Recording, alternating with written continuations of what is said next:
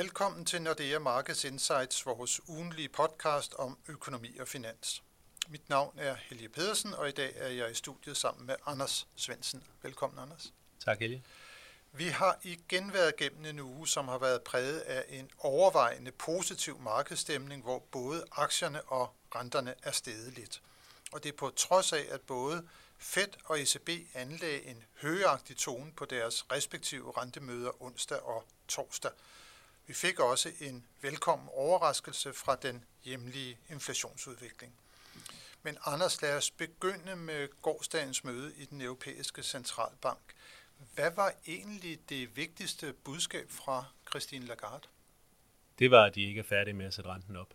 Øh, de hæver renterne med, med 25 basepunkter i, i går og siger, at medmindre der sker et eller andet ufor, øh, ikke forventet inden julimødet, så kommer der en renteforhøjelse igen der. Og det skyldes jo, at de øh, er blevet positivt overrasket, eller, eller negativt overrasket, men overrasket på opsiden på inflationsudviklingen, som har gjort, at de har måttet justere deres inflationsprognose op. Øh, kerneinflationsprognosen blev justeret et halvt procentpoint op for næste år, og, og 0,1 procentpoint op for, for 2025. Og øh, det er jo så nok til, at man kan sige, jamen så er de jo ikke i mål. Og det var egentlig også hendes, hendes budskab. De har mere, mere at gøre for at få bragt inflationen ned, og derfor så er de egentlig relativt højagtige og signalerer, at der kommer en renteforholdelse igen til juli, og der er ikke nogen, der siger, at der ikke kan komme flere efter det. Nej, for nu snakker du sådan lidt om øh, inflationsforventningerne. Det er rigtigt, især kerneinflationen blev jo skruet voldsomt op. Lille smule op på, på headline-inflationen, men lidt ned på den økonomiske aktivitet. Hvad er det, der lige ligger som den der lidt underliggende bekymring måske hos Christine Lagarde, der gør, at nu siger man altså, at kerneinflationen især, det er den, der, der skal op. Ja, men hun snakker om, om arbejdsmarkedet selvfølgelig, som er, er, er stramt i øvrigt, ligesom det er i, i USA. Ikke? Vi har rekordlav ledighed, og lønvæksten er ved at, at, at tage til. Øh, og så snakker hun faktisk også om, at det kommer på et tidspunkt, hvor produktivitetsvæksten måske også er overrasket lidt på, på nedsiden. Så det gør, at de samlede enhedslønomkostninger, de, de vokser hurtigere, og, og derfor også øh, kunne risikere at pege på højere inflation også lidt længere ude øh, i fremtiden. Ja, fordi når man kigger på ECB's egen inflationsprognose, som jo dækker helt ud til 2025, så er vi jo ikke andet end bare lige i nærheden af målsætningen netop i 25. Nej, altså så kan du sige 2,3 for, for kerneinflationen. Altså er det tæt på eller langt fra? Ja, det er også et gennemsnit for året. Det er også et gennemsnit ja. for året øh, og så videre, men, men det er jo signalværdien i det. Og signalværdien i det er, at selv i 25, der vil inflationen, den underliggende inflation, vil være for høj øh, med det, som er gjort indtil videre. Og derfor så forventer ECB, at de må gøre mere for at bringe øh, inflationen ned på, øh, på 2% på et holdbart, øh, eller vedvarende på 2%. Jo, det er meget sjovt, du lige siger det der med fortolkning. Man har jo netop fra ECB's side gjort rigtig meget for, at man skal undgå, at der er forskellige fortolkninger af, hvad de siger. Det er derfor, man nu kører med 2% og ikke som tidligere med tæt på, men under 2%. For hvad er egentlig tæt på, men under 2%? Er det 1,5? Er det 1,7? Nej, der blev man meget specifik på de 2%, men altså de her 2,3 her, det er alligevel, det, det er lidt for højt, men øh, men stadigvæk kan det godt være udtryk for, at inflationen gennem året, kerneinflationen, den er faldet så meget, at vi slutter 2025 på et niveau, der er lavere end de 2 procent. Sagtens. Men jeg tror også, at signalværdien i det blev justeret op. Selvom det så kun er fra 2,2 til 2,3 procent, så tyder det jo på, at, der er, at de er længere fra målsætningen, end de var, da de lavede den sidste prognose tilbage i marts. Øh, og det er jo fordi, de er blevet overrasket af, hvor, hvor øh, øh, relativt sticky kerneinflationsudviklingen øh, har været, samtidig med, at øh, de økonomiske nøgletal sådan set har holdt sig relativt pænt sammenlignet med, hvad man måske kunne have ventet for, for nogle måneder siden. Ja, man pointerer jo også den risiko, der måske er på, på nedsiden på den økonomiske aktivitet, og især det, at pengepolitikken er blevet strammet meget, og det kommer til at gå ud over boligmarkedet, og måske også det, vi kalder for sådan kommersielle øh, aktiviteter om, om, omkring det, altså ejendom øh, og, og, og, og andre øh, øh typer øh, øh, af bygninger, der kan risikere også at, at falde i pris. Helt sikkert, og det er jo, det er jo en af de måder, som, som pengepolitiske stramninger rammer øh, realøkonomien på. Jeg tror så også, at der har været skælet en lille smule til både Australien og, og Canada, som jo egentlig var færdige med at sætte renterne op for noget tid siden, men nu her er så gået i gang igen i, øh, i, i sidste uge, og jo begge to nævner blandt andet, at boligmarkedet, boligmarkederne der ikke har, har været nær så negative, som man måske havde regnet med. Vi kan også lidt se i, i USA, at selvom der har været et, øh, en relativt stor påvirkning fra rentestigningerne, så begynder det nu sådan at finde en bund. Det kan vi også lidt se herhjemme.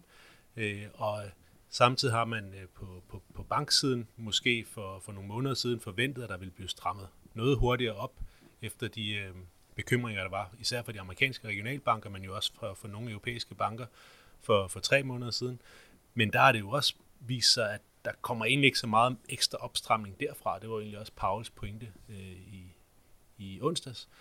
Øhm, så jeg tror bare, at der er mange af de der ting, som vi har frygtet ville trække væksten kraftigt ned, de er sådan ikke rigtig materialiseret sig, i hvert fald ikke endnu. Og det er noget af det, der gør, at øh, vi både hører Fed og ECB signalere, at jamen, hvis ikke det sker, jamen, så kommer der flere renteforholdelser. Men det er jo en super, super interessant diskussion, fordi vi har jo også igennem lang tid snakket om, hvad er niveauet for den neutrale rente, og centralbankerne har jo i lang tid fremhævet, at den var meget lav, måske endda negativ, når det er, vi taler om den reale øh, neutrale rente. Men det viser sig jo nu, at økonomierne faktisk måske godt kan klare sig igennem på et renteniveau, som der er noget højere end det, som man ellers har antaget var den neutrale rente. Måske er den neutrale rente faktisk højere end det, som centralbankerne har gået og vurderet selv igennem lang tid. Ja, det er klart en, en risiko. Det er, jo, det er jo den ene del af forklaringen, kan man sige. Den anden mulige forklaring er jo også, at der har været pumpet så mange penge ud i systemet under og efter pandemien for at sikre, at det hele kom, kom godt i gang igen. At der simpelthen har været en, en, en pukkel, altså der har været opsparing i, hos husholdningerne, opsparinger hos øh, virksomhederne, fortsat øh, masser af forskellige finanspolitiske øh, initiativer, der har været i gang, og at det ligesom har modvirket noget af den pengepolitiske stramning, der har været, sådan så øh, både ECB og Fed jo snakker om, at når der er gået tilstrækkelig lang tid til at de effekter ligesom er blevet opvejet, så begynder der at komme en effekt. Men du har helt ret i, det kan også vise sig, at øh, både arbejdsmarkedet, altså at, at vi sagtens kan have en økonomi med mange flere beskæftigede, end vi måske havde, eller en større andel beskæftigede, end vi måske havde regnet med, og måske også øh, ende med at have en strukturelt højere realrente, end vi havde regnet med for, for nogle få år siden. Det er i hvert fald noget af det, som økonomer kommer til at diskutere rigtig meget i øh, tiden øh, øh, fremad. Nu, øh, hvis vi lige vender tilbage til det her omkring øh, inflationen, øh, forventningen om, at den falder fortsat øh, relativt høj i euroområdet. Altså vi så et ret markant fald øh, i, i maj måned, jeg tror det var fra 7 til 6,1 procent. Øh, relativt høj øh, kerneinflation. Og så synes jeg egentlig, at det er meget sjovt, hvis vi så lige sammenligner med, med Danmark, at der så vi jo faktisk et voldsomt kraftigt fald her i, i inflationen i maj måned, helt ned til, til 2,9 procent, og også kerneinflationen øh, blev reduceret øh, med over et øh, procentpoint og er nu i Danmark på blot øh, 5 procent. Det er jo egentlig en, en, en sjov udvikling, øh, Anders, at vi i Danmark så meget hurtigere ser, at inflationen den falder ind i euroområdet. Hvad, hvad kunne være en god forklaring på det? Ja, vi kan se, at over måneden øh, i maj, som, som det her tal for, der falder elpriserne med, med relativt meget i, i Danmark, og det kan godt være, at det bare slår hurtigere igennem øh, her end, end i øvrigt, men det er de samme faktorer, der driver headline eller den samlede inflation ned. Det er energipriserne lige nu, og det er fødevarepriserne, der stille og roligt begynder at, at komme ned igen. Og øh, de, stod, de steg nu lidt i Danmark i maj i forhold til april. Okay, men for, for Europa ja. i hvert fald, ja. og til dels også for, for USA. Øhm, så jeg tror, det, det er de faktorer, som gør, at inflationen kommer til at falde over de næste måneder. Selvfølgelig sammenkoblet med, at vi sammenligner med, med månederne øh, sidste år, hvor energipriserne jo så steg voldsomt ind over efteråret. Så den samlede inflationstakt kommer til at falde øh, betydeligt det næste halve års tid. Altså de her basiseffekter, du snakker om. Ja. Energipriserne eksploderede i august-september måned, så når vi kommer frem og ser inflationstallene i år fra august til september, så, så bliver de virkelig lave. Ja, så sammenligner vi med, ja. et, med et relativt højt niveau for sidste år. Ja. Øh, samtidig med, at der begynder at være en effekt også på, på kerneinflationen, den kommer også til at falde betydeligt, øh, måske mere i fjerde kvartal end, end i tredje kvartal. Så jeg tror, vi får det næste halve års tid en, en relativt betydelig, et relativt betydeligt fald i, i inflationen. Men jeg tror også, det som både Fed og ECB prøvede at sige i den her uge, er, at så længe inflationen har været langt væk fra deres målsætning, så er det klart, så har de fokuseret på, på det øh, ene og alene, fordi de har øh, forsøgt at, at fastfanke inflationsforventningerne, forsøgt at sige, okay, bare fordi inflationen er høj, så skal I ikke til at have øh, meget større lønkrav, og så begynder det at, at, at skabe sådan en lønprisspiral. Men i takt med, at inflationen kommer ned i nærheden af målsætningerne, så vil de fokusere meget mere på de underliggende øh, driver for inflationen herunder arbejdsmarkedet. Og der er arbejdsmarkedet bare på begge sider af Atlanten enormt stærkt. Og det er jo den risiko, der er for højere renter herfra. Det er, at selvom den samlede inflation kommer til at falde, så de underliggende økonomier bare enormt stærke. Mm. Og så er det vi igen tilbage til diskussionen om, hvad er så måske den reelle neutrale rente? Ja, er de, er de stærke, fordi renterne, renterne ikke er blevet sat nok op, eller er de stærke, fordi der har været en, øh, en, en pukkel af for meget likviditet, for mange penge i systemet, som vi arbejder og stille og roligt igennem, inden det vi allerede har gjort har været nok. Det er ligesom de to muligheder, der, der er. Men vi skal have svagere arbejdsmarkeder for at få inflationen ned på 2% på, på sådan et, et holdbart... Øh, Eller øh, hvis inflationen falder ned, så kan det også godt være, at lønskravene fremadrettet også kommer til at blive modereret lidt. Det, det er jo den måde, som det i hvert fald også fungerer rigtig meget på øh, herhjemme. Men Anders, jeg synes, det er interessant også, det du er inde på nu her, det med, sådan der er blevet pumpet rigtig, rigtig mange penge ud i økonomierne øh, under pandemien, og også faktisk allerede fra årene efter øh, øh finanskrisen. Der har været en stor sådan, likviditetspukkel. Den begynder også at blive bragt ned nu. Uh, vi hørte Paul, der var ude med, at nu skulle man altså virkelig uh, nedbringe uh, balancerne i, i, i den amerikanske centralbank. Og der er også kommet i dag, ved jeg, nogle tal for blandt andet de her tiltroer, uh, altså de billige lån, som bankerne fik uh, under uh, blandt andet pandemien til at få sat gang i, i, i økonomierne. Hvad, hvad siger de tal også, Anders? Jamen, den helt store, som, som netop kom der i juni 2020, og som var på 1.200 milliarder, næsten halvdelen af det, der i alt blev givet i de her tiltroer, øh, den udløb, eller udløber nu her øh, den 28. juni, øh, og så samtidig kunne bankerne vælge frivilligt at tilbagebetale de, nogle af de øvrige tiltroer, der har været. Øh, og det betyder, at når vi kommer til udgangen af juni, så har vi 500 milliarder tilbage, og det er jo selvfølgelig stadigvæk et stort tal, men det kommer så fra omkring... Vi snakker euro. Vi snakker euro, ja. og, og det er så en fjerdedel af, hvad det var, det var på sit højeste. Så det er jo en ret betydelig reduktion, som vi har fået over et, over et halvt års tid, og det kan godt være med til at stramme øh, kreditvilkårene for nogle af de svagere banker i, i nogle af de svagere lande i Europa. Og hvis det gør det, jamen, så betyder det også højere lånerenter for virksomhederne i de lande, og for, for forbrugerne i de lande, og så begynder de pengepolitiske stramninger, som ECB har, har lavet, de begynder så at slå hårde øh, igennem. Mm. Og det er jo selvfølgelig det, som, øh, som vi er på vej til generelt. Der er også hele QT-delen, altså obligationsopkøbene, som ECB har lavet, som her fra 1. juli, øh, der får de bare lov til at, at udløbe øh, de obligationer, der nu udløber, og så bliver balancen bare mindre. Hvor man indtil nu har reinvesteret en del af, af de udløbende penge, så man har, har holdt balancen på et eller andet øh, relativt højt niveau. Men fra 1. juli, så kommer der til at løbe cirka 30 milliarder af om, om måneden i gennemsnit. Det er sådan cirka det, der, der forfalder øh, hver måned resten af, af året. Og det vil jo også tage en del likviditet ud af systemet. Så i Europa er der egentlig et relativt markant dræn af overskudslikviditet. Men det, det er et kæmpe beløb, det er altså, som, beløb. Som, som der ligger ude jo. Det er jo en voldsom, voldsom balanceopbygning, som ECB har været ude i sig selv. Så den 30 milliarder om, om, om måneden, det vil jo tage mange, mange år, ja. før det er det bragt ned til, uh, til nul. Ja, og du kan sige, det er jo på en måde også lidt, uh, lidt nogle af, af tingene er også lidt fiktive, ikke? fordi det er jo overskudslikviditet, så det er jo penge, der ender på, ender på bankernes konto i ECB, så, så hvad er egentlig effekten, og hvad har effekten været? Men der er ingen tvivl om, at der er nogle banker nu her, der får sværere ved at, at finansiere sig, fordi de ikke får de her billige lån fra ECB. Og hvis de får øh, dyre finansiering, så kommer det til at blive dyre for, for deres kunder.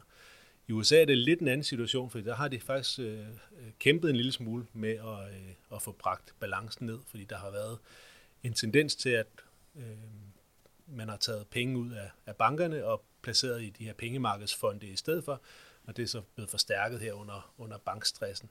Og pengemarkedsfonden, de placerer så pengene tilbage ind i Fed på noget, der hedder en reverse øh, repo facility. Det er sådan set ligegyldigt, men det betyder bare, at de penge, som Fed dræner fra systemet, der ender de her money market funds med at sætte de samme penge ind i Fed, og det betyder, at den samlede balance faktisk har haft ret svært ved at, at falde. Og det er jo noget af det, som, øh, som Paul han nævnte øh, i onsdag, så det vil de forsøge at gøre noget ved. Øh, og så kan det være, at lige pludselig drænet bliver, bliver ret hurtigt, fordi de har den her QT, og hvis de samtidig kan få de her pengemarkedsfonde til at investere i nogle statsobligationer, i stedet for at sætte pengene i, i Fed, så begynder der lige pludselig at, at blive en markant balancereduktion i, i USA. Og det er en del af det, som man kalder en stramning sådan af de generelle kreditbetingelser, og som man jo også skal have med i billedet, når det er, man taler om, at pengepolitikken den bliver strammet. Det er ikke kun fra rentesiden, det er også via balancenedbringelser, så den mulige effekt, der ligger i form af, af højere renter på blandt andet statsobligationer, men jo også på, på pengemarkedet. Bestemt, og det er jo en del af, af øvelsen, kan man sige. Vi har jo snakket mange gange øh, på de her podcasts om, at der er ligesom to, to kanaler, øh, som, øh, som højere renter for centralbankerne kan virke igennem. Og det ene er jo gennem bankerne, at man gør det øh, sværere for bankerne, så det bliver dyrere for bankernes kunder, og, og dermed øh, bliver, bliver sværere at finansiere, hvad man nu ellers vil, vil finansiere. Og det andet er jo gennem finansmarkederne. Og jeg tror at specielt den her øh, balancenedbringelse, det er jo noget, der rammer øh, finansmarkederne og potentielt kan gøre, at, at, at øh, risikofyldte aktiver får det lidt sværere, som gør, at de finansielle øh, vilkår strammer til, og at pengepolitikken kan, kan virke den vej igennem. Ja, for det er også klart, hvis man kigger på, på andre aktiver, så bare det, at, at renterne de er steget så meget, som de er det, det betyder jo også, at der kommer en helt anden værdiansættelse, når det er, at man skal tilbage diskontere, så altså det fremtidigt cashflow øh, til en meget højere rente end en, der var tæt på nul. Så det, det er klart, det er noget, der vil være med til at påvirke værdiansættelsen af, af mange, mange typer øh, aktiver. Men øh, vi, øh, Anders, hvis vi lige skal summe op på øh, det, der er sket på de store centralbankmøder, så har vi et ECB, hvor at øh, renten altså i går blev sat op fra 3,25 til 3,5 procent, og hvor vi har en forventning om, at den bliver sat yderligere op til 3-3,25 procent i juli måned. Og derefter så er det åbent, om der kommer mere. Ja, og jeg tror jo, det er det fremadrettede perspektiv fra både Fed og ECB, at de er begge to stadigvæk nøgletalsafhængige. Så vi er ikke tilbage til, til det, vi var sidste år, hvor centralbankerne forsøger at, at drive noget. De er reaktive. De kigger på nøgletallene. Hvis nøgletallene er stærke, så kommer der flere renteforhøjelser. Hvis nøgletallene er svage, så kommer der øh, ikke flere renteforhøjelser. Hvis nøgletallene bliver meget svage, så kommer der rentenedsættelser. Det er ligesom der, de har, har lagt sig hen, øh, som, som det er lige nu. Men måske en pause, af det, som vi har set i USA, fordi USA gik jo på en pause, men der kommer nok mere alligevel. Var det en pause, eller har man bare sprunget et, et, et møde over her i juli? Ja, Lagarde drillede, drillede Paul lidt, fordi de havde jo sagt, at de ville holde en pause. Og nu her, så har de jo så øh, 50 basepunkter yderligere i deres øh, dotplot, altså i de forventninger, de har til, til sig selv for resten af året. Så det bliver jo mere, at de sætter, sætter tempoet ned, så nu, nu satte de så ikke renten op i den her måned, så kan det være, at der kommer en renteforhøjelse i, i juli eller i, på, på mødet efter, øh, og så måske en igen senere på året, hvis ikke nøgletallene bliver, bliver dårligere. Så ender det jo mere med, at de har sprunget et møde over, eller, eller sat tempoet ned mere, end de har holdt en egentlig pause. Så bundlinjen der er, at vi ikke ved toppen endnu hverken i Europa eller i USA. Nej, nok bare, at vi øh, i virkeligheden skal kigge på nøgletallene. Og hvis ikke nøgletallene de vender rundt, jamen, så er vi øh, ikke i nærheden af toppen.